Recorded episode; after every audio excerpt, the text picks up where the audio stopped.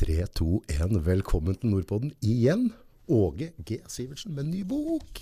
Yes, takk for det. Tusen takk. Gratulerer og godt arbeid. Ja, du må lese først, da. Ja, jeg fikk den nå. Vi har venta på den i posten. Ja. Men uh, jeg leste jo forrige boka di, så det var god lesning. Arbeiderpartiets maktspill. Ja. Mm. Da må vi bare ha startspørsmålet, da. Sist gang så dro vi jo til, og så lurte jeg på, for du er jo kriminolog. Så mente jeg liksom, er det liksom et kriterium? Er det viktig at du er det når du skal skrive en bok om politikere i topproller? Ja, det var det spørsmålet du stilte sist, da. Og uh, det kom litt sånn surprising. Men um, det var et godt spørsmål, og jeg sa vel det at det var en fordel. Og nå skriver du om Rinnansmannen, og, mm, Rinnansmannen, og, og da er jo neste spørsmålet. Altså, er det en fordel å ha skrevet om snuskete politikere når du skal skrive om landssvikere? Jeg er litt i tvil om rekkefølga, men um, uh, det er nok en del, tro det eller ei, uh, sammenlignbare faktorer ute og går. Det jeg lurer litt sånn i Jeg var jo så heldig å få komme på Lorry og, og være med på bokdagen din. Uh, og, og det du prata litt på der, er at hvem kan bli landsforrædere? Ja, spørsmålet som jeg stiller i den boka her, da, det er jo annet eh, om du og jeg og alle andre kunne ha blitt medlem av Rinnamannen. Ja.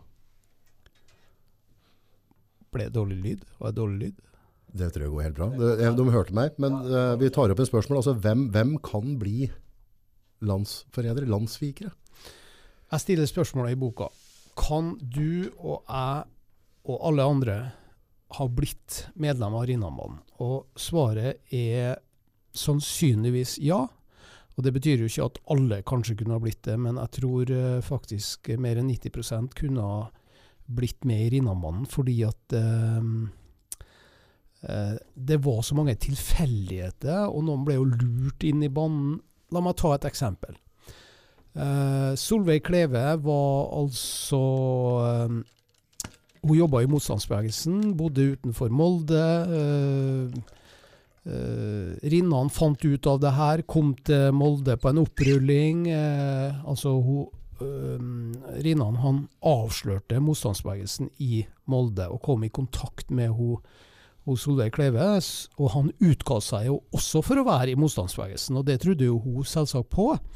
Så hun ble jo forelska i Rinnan, og hun flytta opp til Trondheim sammen med han og datter hennes eh, på syv-åtte år i Det her var i 19, eh, høsten 1942. Eh, Dattera flytta litt senere, da.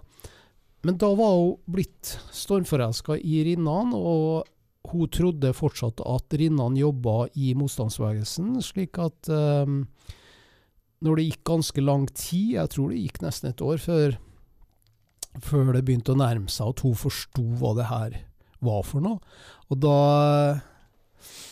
litt før det, da, så er Rinnan så smart at han arrangerer en arrestasjon av Solveig Kleve. Så han får Gestapo til å arrestere Solveig Kleve for å finne ut av om hun er lojal overfor han, og Gestapo sier jo at ja, du er i kontakt med Henry Oliver Rinnan, han jobber for motstandsbevegelsen, og det gjør vel også du, da, sier Gestapo til Solveig Kleve, men hun benekter det. Hun er lojal overfor Rinnan, det var en test som hun besto. Så kommer Rinnan på besøk da på Misjonshotellet, hvor hun sitter og, og blir avhørt av Gestapo. Kommer han på besøk, og han eh, later, eller han, han utgir seg for å ha bra kontakt med eh, Gestapo, slik at han vil berge Solveig Kleve ut av den knipa, og han berger henne da og redder henne ut av arrestasjon, og hun blir jo så glad for at han har kommet dit og fått henne ut av eh, Gestapos klør. Så hun blir jo enda mer forelska i Rinnan da, og han, Rinnan hadde jo selvsagt avtale med Gestapo om å gjøre det her, arrestere Solveig at han kommer på besøk, og han forteller Rinnan, Henry Olive Rinnan forteller Solveig Kleve at eh, det er veldig viktig for han å ha en at også han har kontakt med Gestapo. At han har en fot innom der, og så han vet hva som foregår. Så han lata som han var liksom dobbeltagent. Helt klart. Og det, hva, hvorfor skulle ikke hun tro på det? Ja, ikke sant?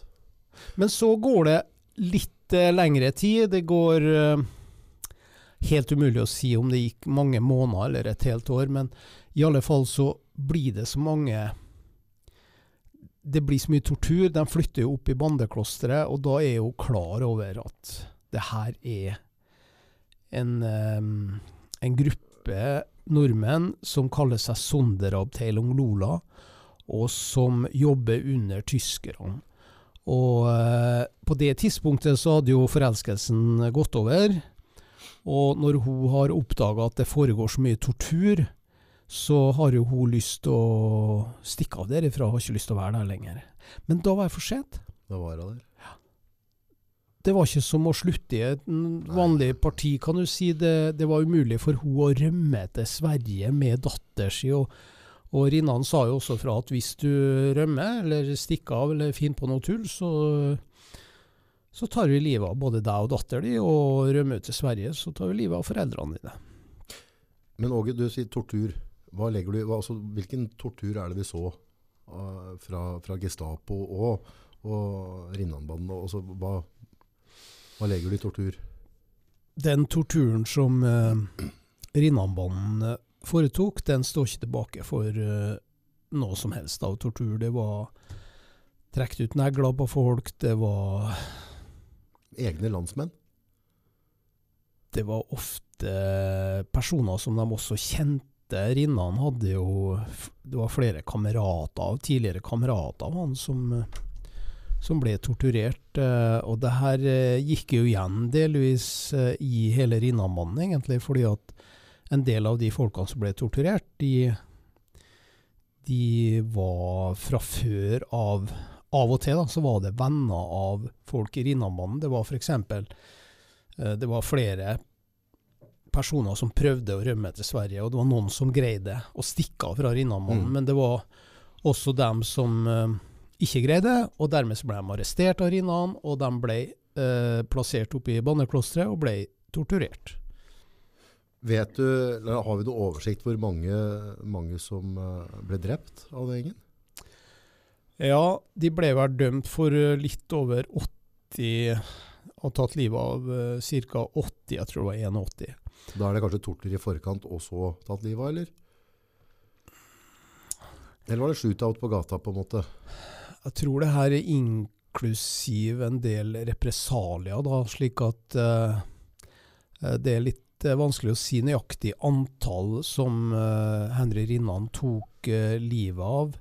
Men antallet som er torturert, er jo langt høyere enn 81. Ja, så klart. Og antallet som har fått varige men av en, er også langt høyere enn 81. Det er vel snakk om at mer enn 1000 nordmenn ble eh, på en eller annen måte eh, utsatt for Henry Rinnan. Men altså, det, det, er, det er som sier altså, det eneste vi ikke lærer av historien, er ofte historien. Og, og idet du på en måte tar på deg det verket her og går inn i det så, så, Du tråkker litt i ormboligaen, for det er folk som har blitt torturert. Det er folk som har mista slektninger. Så, så dette, dette, er fortsatt touchy. Eh, det er ikke så lenge siden vi, vi hadde annen verdenskrig. Men motivasjonen for dem som på en måte gikk over til tysk side, kan du fortelle folka som ikke er så dypt i historien der til, altså For vi, vi hadde kommunisme, vi hadde nazisme. Det var mye som skjedde på tida. Hvorfor Hvorfor altså, hva, hva, tror du var motivasjonen, da?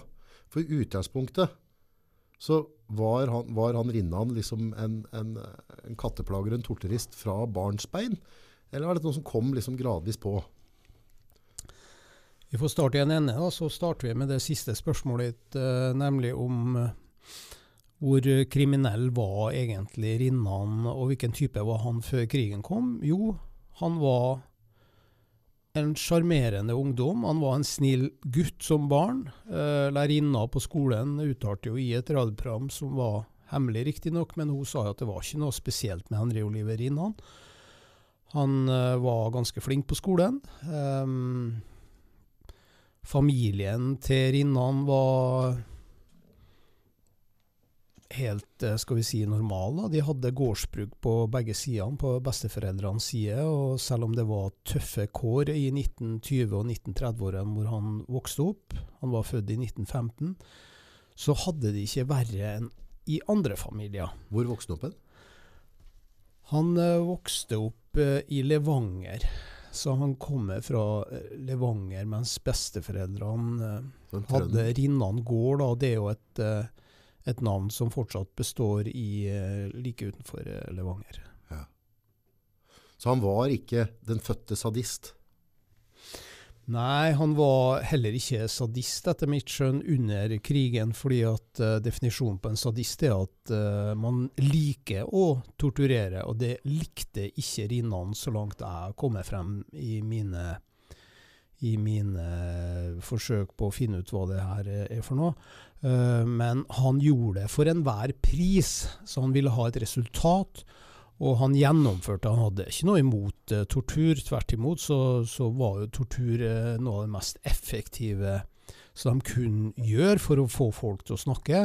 Så Men Jeg tror ikke Rinnan var en sadist, men det var andre bandemedlemmer som var det, mener jeg. F.eks. Hans Birger Egeberg, som hadde vært frontkjemper, og som var veldig brutal. og Uh, han ble jo også den første som ble dødsdømt. Da. Ja. Men i, i, de dem som på en måte bytta parti altså Jeg, jeg har fått med litt av historien, og jeg skjønner jo at det var et stort stort kobbel av mennesker i Norge som var veldig veldig redd kommunismen, og følte at hun måtte velge mellom pest eller kolera. Og det var òg veldig mye motivasjonen. Altså type, type øh, jeg må glemme navnet hans. Jeg, jeg driver glemmer navnet om Men jeg har iallfall ja. et eksempel. Jeg traff tilfeldigvis Andreas Diesen, eh, eks-NRK-mann. Eh, han fortalte meg en historie om at det var en dame på 30-tallet som han hadde snakka med en god tid etter det, da, men hun hadde fortalt at uh, hun var livredd kommunismen ja. på begynnelsen av 30-tallet. Og pga. det så meldte hun seg inn i NS. da. Og Der har du et eksempel på akkurat det du sier, pest eller kolera. Det var nok ikke sånn de oppfatta det selv. da. Kommunistene mente jo ikke at, at det verken var pest eller kolera å være medlem av um, AKP-ML eller NKP, Norges kommunistiske parti. Um, og det gjorde jo heller ikke NS-medlemmer. Altså eh, den gangen de var medlem, den gangen det her foregikk, så var det ikke sånn at det var pest eller kolera, men det er noe som vi vurderer i ettertid. Og når vi først er inne på landssvikere, for alle, alle som var medlem av NS, de ble faktisk dømt for landssvik. Uansett om de ikke har gjort noe gærent utover det å være medlem i NS. Det var en kollektiv straff. Ja.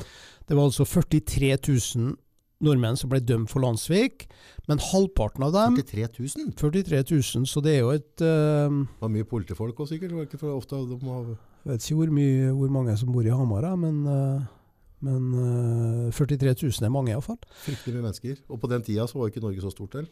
Og halvparten Nei, det kan jeg også si, men halvparten av de 43 000, altså ca. Det var i overkant av 22 000, de ble dømt for å ha vært passive medlemmer av NS. Og Det betyr at uh, ja, hvis du var gift med en mann da, som var medlem av NS, og som kanskje også var aktiv medlem i den form at han var på møter, eller han kanskje til og med gjorde ting som, uh, som hjalp tyskerne. Men hvis du var kona hans, da, mm. og han meldte deg inn i partiet, så var jo du i utgangspunktet et passivt medlem som ikke var på noen møter, du gjorde ikke noe gærent, du hjalp ikke tyskerne under krigen, øh, osv. Men etter krigen så var jeg altså bestemt under krigen at du skulle få en landssvikdom. Ja. Og hva innebar en landssvikdom? Jo, punkt én, du fikk først en liten bot som egentlig ikke betydde så mye, tror jeg. Men du mista stemmeretten i ti år. Ja. Og flere av de trodde at de mista stemmeretten faktisk for resten av livet. Så um, det var den saken, og så fikk de heller ikke studere på universitetet. Og de fikk heller ikke jobbe i offentlig sektor. Og den største straffa var nok eh, kanskje ikke noe av de der med stemmerett eller uh, få jobb eller uh, studere, men det var skammen. Ja. Skammen over å ha blitt en landssviker. Enten det var i Hamar eller Lillehammer eller på bygda eller i Oslo eller hvor det var hen. Særlig i de små miljøene, så visste jo selvsagt alle hvem du var. Mm. Slekta visste, venner visste om det. Og hvis du, som jeg nevnte, hvis ikke du hadde gjort noe, noe, gærent under krigen, men så ble du faktisk dømt for landssvik, da. Og hvis du spør ja, Nå er det jo ikke mulig å spørre, men hvis du hadde spurt de 22 000 med, passive medlemmer av, av NS om de selv følte, at, følte seg som landssvikere, ja. så tror jeg du kan telle på én eller to hender eh, av de som har sagt eh, ville ha svart eh, ja på det. Mm. Men du opplevde jo ganske ung alder eh, når, du, du, spilte fotball. Eh, at du så noe hets. altså Var ikke det litt av motivasjonen til boka di? Eh, at, at uh, du opplevde noen som ble hetsa for landssvik? Ja, nå hadde det seg slik da at bakgrunnen for at jeg begynte å interessere meg for krigen, og særlig for Rinnanbanen, det var at jeg hadde en fotballtrener som hadde vært med i Rinnanbanen. Mm. Han heter Osvald Lyngstad, og um, jeg var elleve år den gangen vi spilte fotballkamp i Kristiansund på Nordlandet grusbane. Vi vant 3-0, forresten. Uh, God hukommelse! Ja, og um, når jeg skulle ta et innkast, så hørte jeg en som ropte 'Rinnan-jævel' til min fotballtrener. Ja. Og det stussa jeg fælt på. Hva var det her for noe? Så jeg spurte mine foreldre hva betydde Rinnan-jævel, og de sa da at min fotballtrener hadde vært medlem av ei gruppe som støtta tyskerne, men de sa ikke noe mer enn det, så jeg dro på biblioteket dagen etterpå.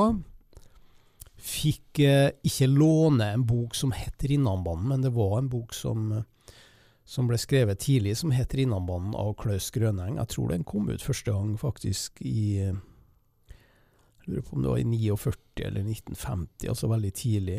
Så hun fikk et referat av hele rettssaken om dommene. Dommene sto i den boka. Og når jeg fikk se for jeg, jeg fikk ikke låne den boka, men de gikk ned i kjelleren og henta boka. Og jeg fikk lov å lese den boka på biblioteket eh, som elleveåring.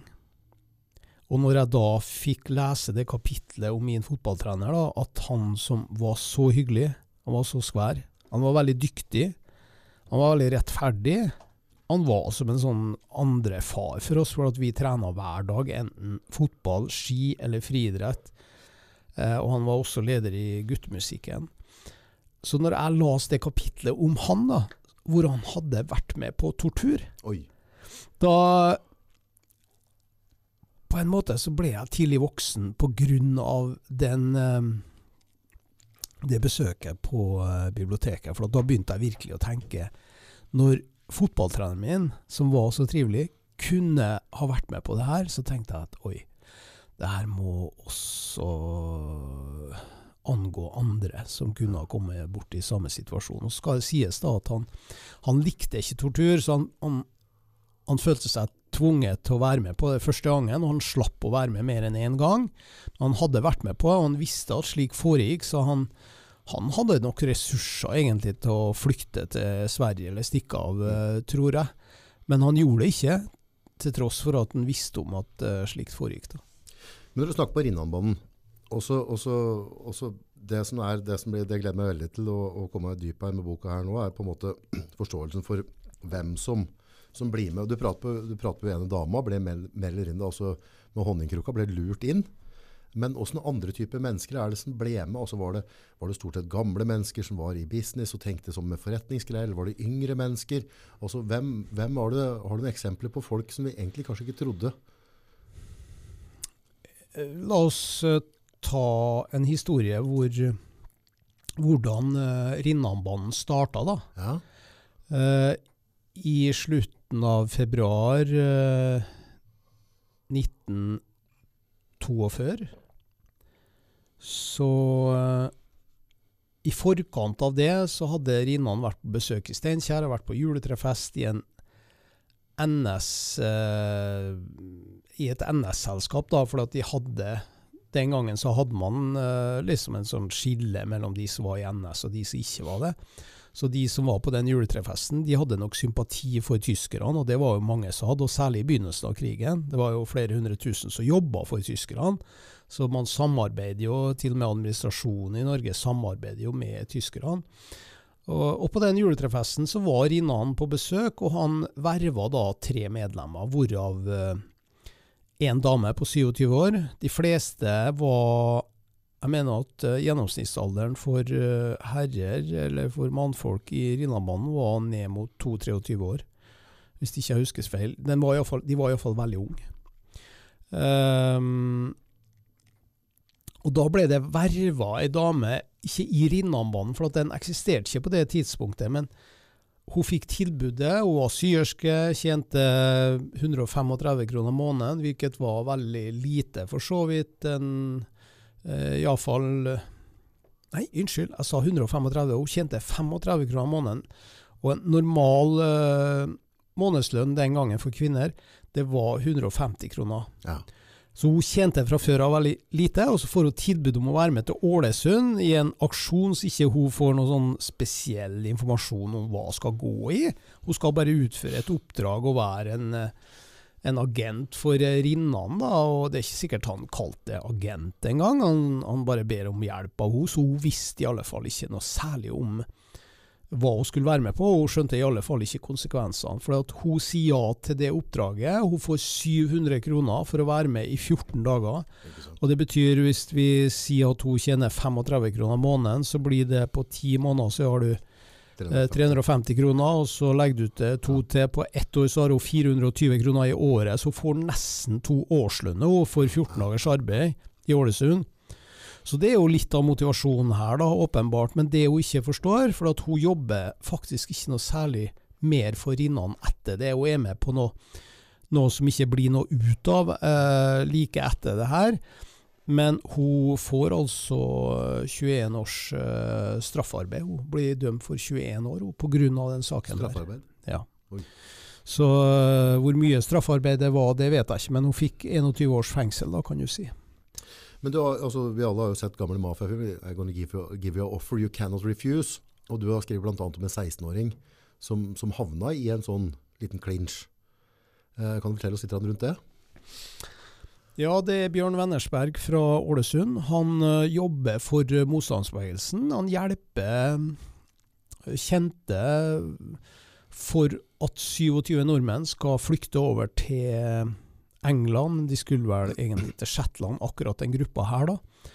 Um, og det var veldig vanlig i Ålesund i, både i 1940, særlig i 1941 Uh, og i begynnelsen av 42 at uh, man prøvde å flykte fra Ålesund og vestover. Det var liksom en slags uh, et sentrum. Det ble kalt Lille London, Ålesund, på den perioden der, i den perioden der. Okay. Men hele greia blir jo da avslørt da, av Rinnans menn.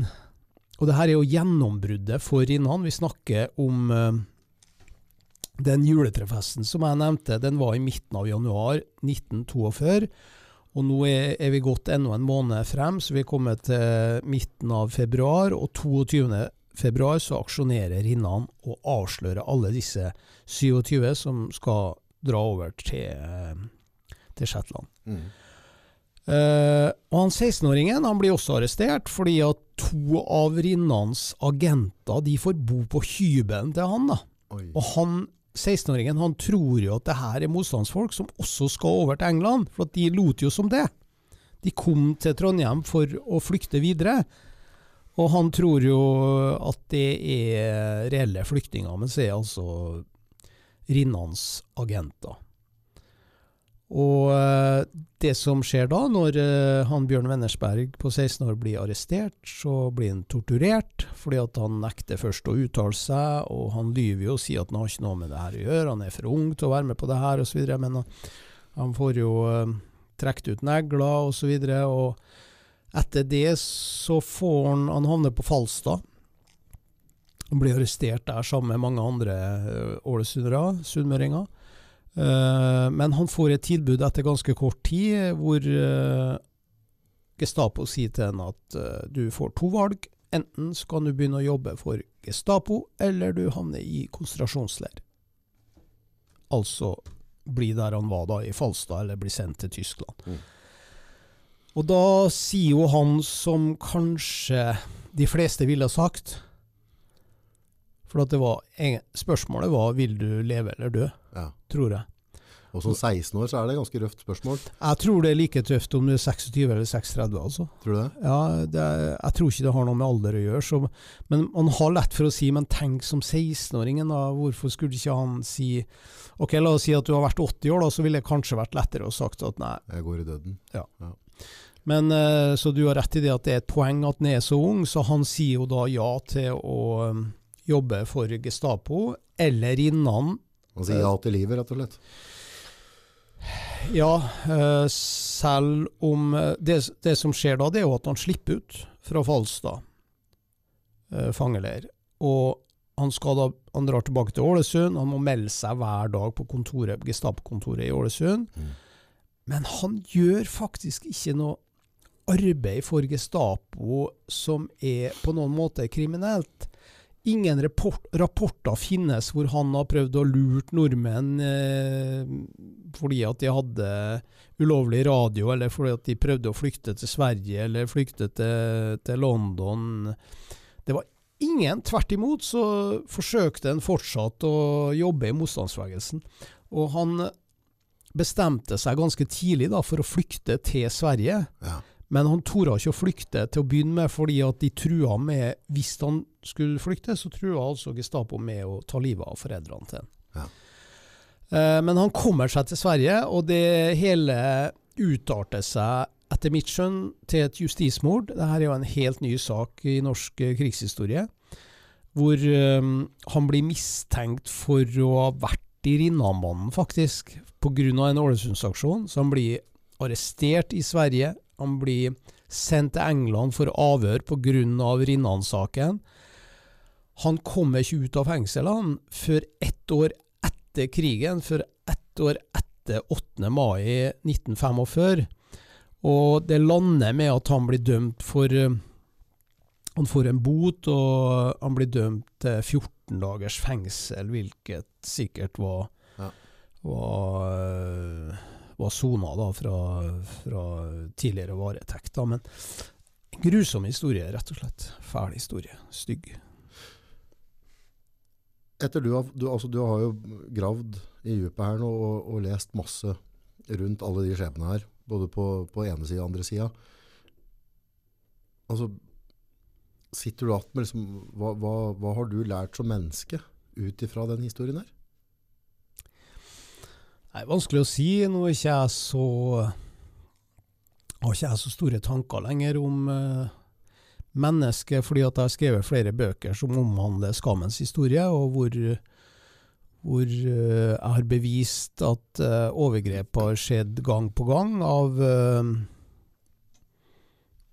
av egentlig staten som utøver. Jeg kan vise til tvangssterilisering av det reisendes folk, altså tatere. Jeg skrev en bok om det i Og det har jeg lyst til at vi kan prate om en gang. 97, 1997 sammen med Olav Rune Bastrup. Og eh, der, var jeg jo, der fant jeg jo i arkivet jeg fant 200 journaler da, på eh, unge taterjenter som ikke var mer enn en 14-15-16 år. Og de blir, de blir altså tvangssterilisert. da fordi at de onanerte for mye, eller de bantes, eller sa ting som de ikke burde på uh, barnehjem. Så nei, det har Ble, ikke de, ja. de, dem som gjorde det, dem som tok avgjørelsen, dem som, gjorde, altså, som foretok den steriliseringen, eller avgjorde, har noen av dem blitt dømt og blitt sendt om som landssvikere før?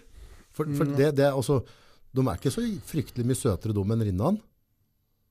Hvis du går og tvangssteriliserer ei jente for at du har eh, en, en tro på at eh, et annet folkeslag har en mindre verd, eller, altså, det er ganske drøyt.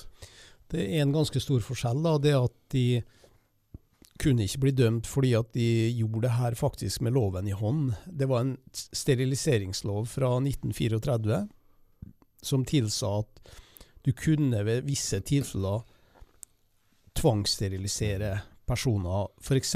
hvis du hvis du hadde epilepsi, eller hvis ikke du hadde fast bopel, f.eks. Og det hadde jo ingen tatere, for de reiste jo rundt om i Norge. Men det er jo på 70-tallet.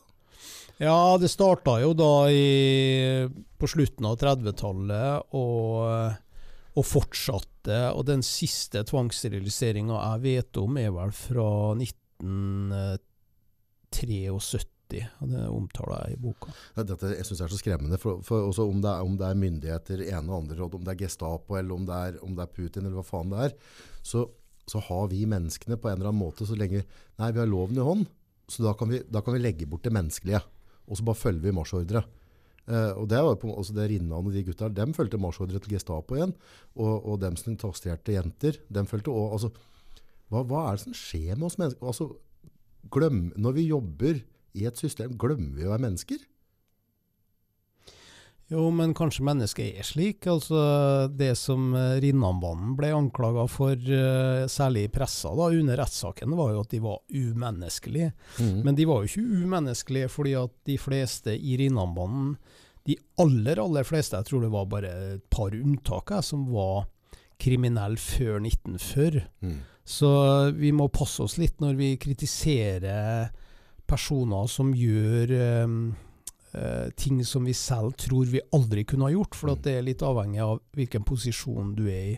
Jeg skrev jo også en bok eh, om eh, Nå er den podkasten her sikkert mest om Rinnanbanen og den nye boka mi, som ligger i alle bokhandlere. Ja, det, vi må, det må vi få fram. Ja, ja. så det, det, det er case. Men jeg skrev en bok eh, som kom ut i 2003, som eh, heter 'Morder i familien', hvor jeg tok for meg 113 drapssaker Ja. og analyserte dem sammen med en rettspsykiater som heter Børre Husebø. Og der kom jeg frem til at eh, hovedårsaken til at mennesker begår drap, og kan begå drap, det er at når du presser en person nok opp i et hjørne, og hvis det, den personen ikke har noe å tape, så er en også i stand til å gjøre hva som helst, også drap. Det er helt sjukt. Det er helt sjukt. Du har klokka, det begynner å brenne. Jeg har et nytt møte i Lillehammer, så jeg skal treffe en, en Ja, men professor. Hvor, Mm. Etter uh, professoren Lillehammer, hvor går, ban hvor går banden videre da, holdt jeg på å si? Hvor går du og boka? Nei, nå skal jeg først til Lillehammer og snakke med en, um, en som har vært konsulent på boka, Tore Pryser, professor. Eh, så skal vi snakke litt om eh, mitt neste prosjekt, som kan bli uh, Landsvikoppgjøret. Og så skal jeg prøve å ta meg en tur innom. Jeg skal ringe Egil Ulateig. Hvis han hører på det her, så må du ta telefonen, eh, Egil. Jeg skal ha en kaffe med han. Han har jo skrevet om krigen, og i og med at jeg kjører forbi og, og er på vei til Oppdal, så, så skal vi ha en krigssamtale der. Og så begynner da egentlig den der lille turneen min eh, den, i, i den måneden her, hvor jeg skal holde foredrag i Molde i morgen og Dato Nei, i morgen, i, morgen, I morgen er tirsdag, ja. Så i Molde i morgen, den 11., og så Ålesund på onsdag den 12., så er Kristiansund den 13., og så går helga, og så er det Sunndalsøra den 18. oktober. Eh, Surnadal den 20. oktober. Jeg skal til Smøla den 25. oktober. Og Rørvik 1. november og Trondheim 3. november. Og så har jeg fire-fem eh, forespørsler om foredrag som jeg ikke har banka en dato på ennå, for jeg, må jo, jeg kan ikke holde eh, to foredrag samtidig.